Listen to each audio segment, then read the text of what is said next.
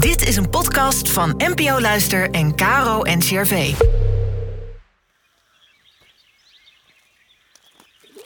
Welkom bij de Kloostercast, de podcast met antwoorden op alledaagse levensvragen vanuit de kloostertraditie.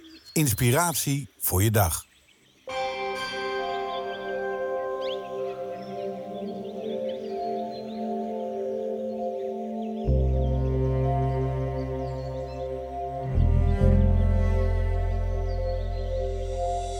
Zuster Monica Rase is canonicus van het Heilig Graf.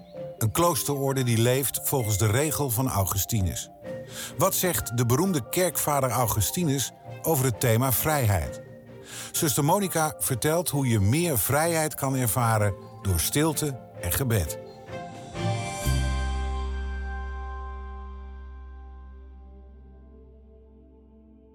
Leven in een klooster wordt vaak gezien als leven in een gevangenis. Je moet op gezette tijden gaan bidden. Je moet samen eten, werkzaamheden verrichten en je moet nog aardig tegen elkaar zijn ook. In de tijd dat ik in priorij Emmaus in Maarsen leefde, was dat vaak de vraag die men mij stelde. Je bent hier toch niet vrij om te doen wat je wilt? Meestal stelde ik de wedervraag: Hoe vrij ben jij dan? Augustinus zegt: De weg van de vrijheid is de weg van de liefde. We leven in een maatschappij die veel van ons vraagt. We moeten er leuk uitzien om goed over te komen op de sociale media. We moeten sporten omdat we gezond moeten blijven. We moeten presteren om niet buiten de boot te vallen. En zo moeten we nog veel meer. Hoezo vrijheid? Denken we niet te vaak dat we vrij zijn in het maken van keuzes die uiteindelijk veelal bepaald worden door de omgeving waarin we leven? Als je terugkijkt op de keuzes die je gemaakt hebt, zie je vaak dat die bepaald zijn door de omstandigheden van het moment. Soms ook door de druk die je ervaarde door personen die invloed op je hadden. Op zich is dat niet zo erg. Zeker niet als je achteraf ziet dat het de goede keuze was. Maar als je later spijt hebt, dan is het zaak om eens te bekijken wat voor jou bepaalt hoe je keuzes maakt. Als je voor de keus staat, zou je je kunnen afvragen: maakt dit mij gelukkig en wat betekent het voor de mensen om mij heen? Beeld je de situatie in en ervaar hoe het voelt. Dat vergt wat tijd, wat ruimte om te beslissen. Als gelovige doe ik dat in gebed. Ik praat met God als met een vriend en leg mijn vragen bij God neer.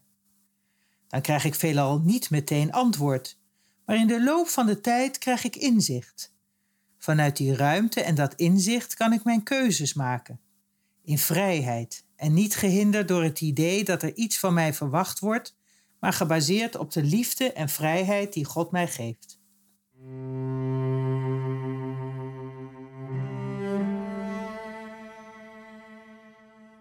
Doordat kloosterlingen regelmatig tijd maken voor gebed en stilte, ontstaat die ruimte die nodig is om dat te doen waarvan je voelt dat het een goede keuze is. Mijn ervaring is dat dit bevrijdend werkt en dat dit de druk van het moment wegneemt. Die regelmatige tijd voor gebed neemt ook het vaak moordende tempo van presteren weg. We rennen maar door van afspraak naar afspraak, van het ene enerverende moment naar het andere. Er is geen tijd om op adem te komen. Voordat ik het klooster inging, had ik drie banen was voorzitter van een tennisvereniging, organiseerde regelmatig etentjes bij mij thuis, bezocht Jan en Alleman en liep bij tijd en wijle van hot naar her. Die drukte is er in het kloosterleven niet, ook al moet er wel vaak het nodige gedaan worden. Maar doordat je samen een gemeenschap vormt waarbij je de taken kunt verdelen, ben je samen verantwoordelijk voor de werkzaamheden. En als de taak volbracht is, dan is er tijd en ruimte en vrijheid om iets voor jezelf te doen. Natuurlijk vraagt het kloosterleven wel van je dat je niet alleen maar je eigen goddelijke zin doet, zoals je dat buiten het klooster wel kunt doen. Maar daar staat een innerlijke vrijheid tegenover, die je losmaakt van eigen belang en je zet in het grotere verhaal van mensen levend in liefde voor God en voor onze naasten. Vanuit die liefde voel ik de vrijheid dat ik mag zijn wie ik ben en dat ik dat ook een ander gun. Vrijheid niet in de zin dat je alles zou kunnen doen wat je wilt, maar innerlijke vrijheid die je losmaakt van opgelegde ideeën waaraan je voor jezelf of voor een ander moet voldoen. Daardoor kon ik werkelijk vrij zijn tussen de muren van het klooster. In gesprek met God vraag ik: God van liefde, geef ons uw geest van inzicht om in ons leven de innerlijke vrijheid te ervaren die ons maakt tot uw kinderen, die geleid door uw hand gelukkig mogen zijn.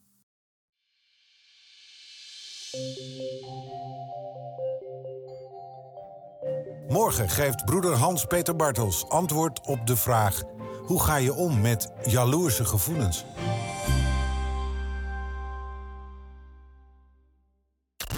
Was een podcast van NPO Radio 5 en KRO NCRV.